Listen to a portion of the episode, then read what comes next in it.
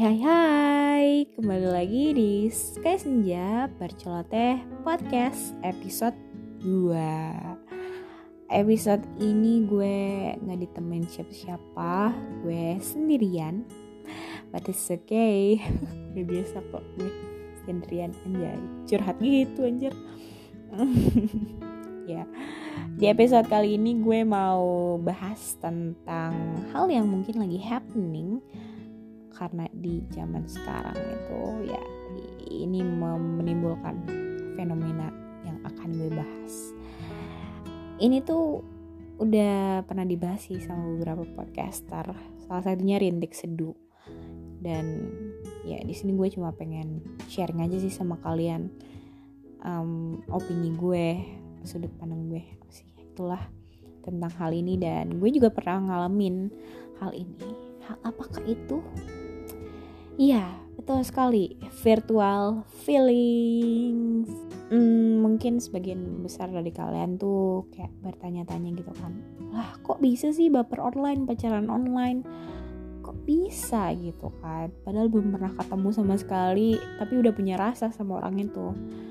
Ya, benar. Di era serba digital sekarang, mungkin aja sih hal itu terjadi. Karena ya sekarang kan segala aspek kehidupan sudah dipermudah dengan online online gitu kan. Komunikasi bisa online gampang tanpa hambatan ruang gitu kan. Jadi kalian bisa berkomunikasi sama orang gitu. Bukan cuma komunikasi kan. Sekarang belanja terus apa namanya sekolah kerja itu kan online gitu. Jadi tidak menutup kemungkinan kalian juga bisa berpacaran secara online. Apalagi ditambah sama munculnya apps uh, dating apps terus medsos gitu kan yang mempermudah kalian untuk menemui jodoh kalian gitu kan. Mungkin jodohnya online ketemunya. Bisa lewat Tinder, Bumble, OkCupid, uh, bisa juga lewat kayak stranger stranger gitu kan kayak Omegle. Masih ada nggak sih Omegle? Mungkin aja gitu kan kalian bisa ketemu sama jodoh kalian di situ. Facebook Twitter Instagram TikTok. Banyak sekarang cara untuk menemukan jodoh kalian gitu kan. Gimana kalian aja sih sebenarnya. Terus um, apa namanya? Uh, gue juga baca sih satu artikel dari beautynesia.id uh, di sini seorang dating coach itu mengutarakan pendapatnya. Dia bilang gini, mungkin banget kok seseorang punya hubungan emosional yang kuat dengan orang lain meskipun belum pernah bertemu di dunia nyata. Apalagi udah pernah tukeran foto, voice note, saat chatting atau bahkan uh, teleponan, video call itu membuat adanya ketertarikan fisik terhadap orang lain terus nggak bisa kita pungkiri juga kan punya temen ngobrol itu sedikit banyak menghapus rasa kesepian gitu kan. Kalau lo lagi gabut gitu kan lo cari temen gitu lewat Omegle atau Tinder, Twitter gitu kan. Itu apalagi kalau obrolannya nyambung terus frekuensi bisa juga dibumbui sedikit flirting bisa membuat perutmu serasa dipenuhi kupu-kupu yang sedang berterbangan bisa muncul rasa nyaman, senang karena uh, menemukan teman yang asik gitu kan. Nah, itu dia yang bisa juga menjadi menjadi apa namanya? faktor kita mengalami virtual feeling.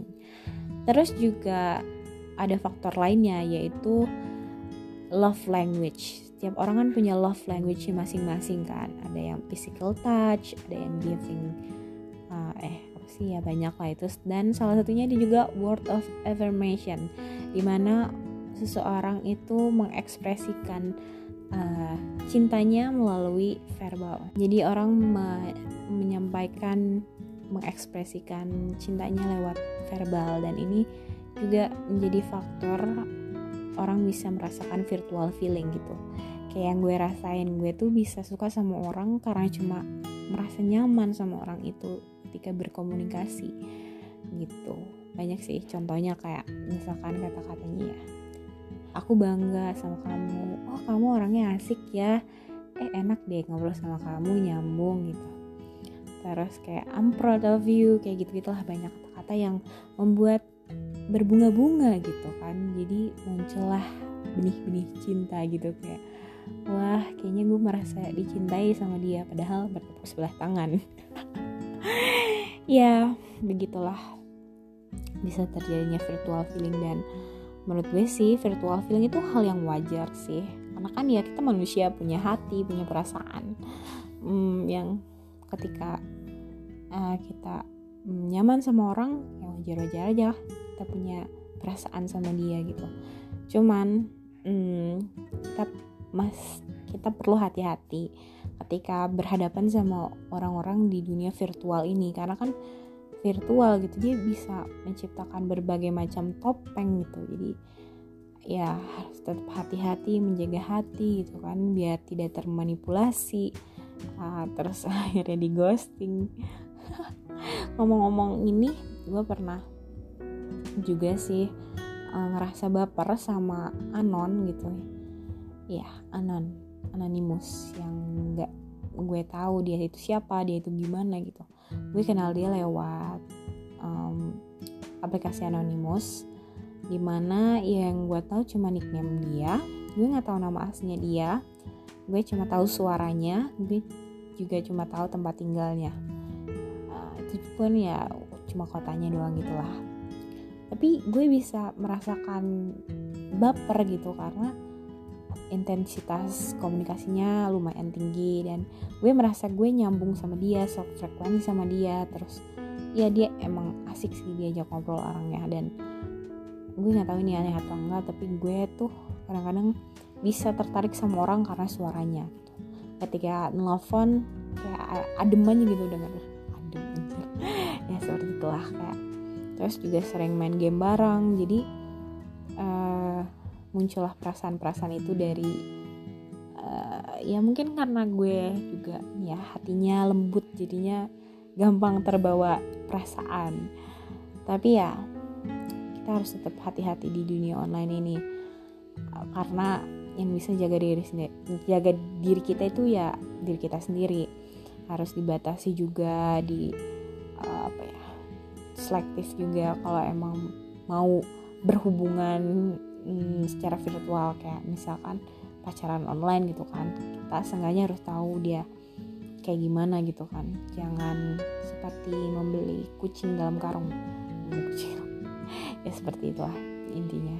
Kita harus tetap hati-hati. Karena gue juga pernah tuh pacaran online cuma kayak iseng-iseng doang sih sebenarnya. Dan ya banyak uh, apa ya banyak yang harus kita pertimbangkan ketika mau menjalin hubungan secara virtual dan harus udah tahu konsekuensinya apa. Itu sih paling. Dan kalau kalian tanya hmm, aneh nggak sih kalau kita baper sama orang secara virtual? Menurut gue sih nggak aneh sih. Karena kan setiap orang punya caranya masing-masing untuk jatuh cinta untuk mencintai. Jadi nggak aneh sih menurut gue tetap semangat untuk kalian para pejuang virtual feelings. Hmm, ya mungkin emang hubungannya semu tapi perasaannya nyata gitu kan. Sakitnya itu nyata gitu. Jadi untuk kalian hmm, pastikan semuanya berjalan dengan baik. Uh, tetap hati-hati karena karena di dunia virtual banyak orang yang bisa memanipulasi memakai berbagai banyak ah berbagai macam topeng. Ya itu sih. Tetap uh, semangat menjalani hari jaga kesehatan oke? Okay? nanti kita bahas lagi part 2 kali ya. Jai, so banget ntar gue cerita-cerita tentang pengalaman virtual feeling gue. Dan kalau kalian mau cerita juga boleh. Nanti gue undang ke podcast ini Yaudah, see you on the next episode. Bye bye.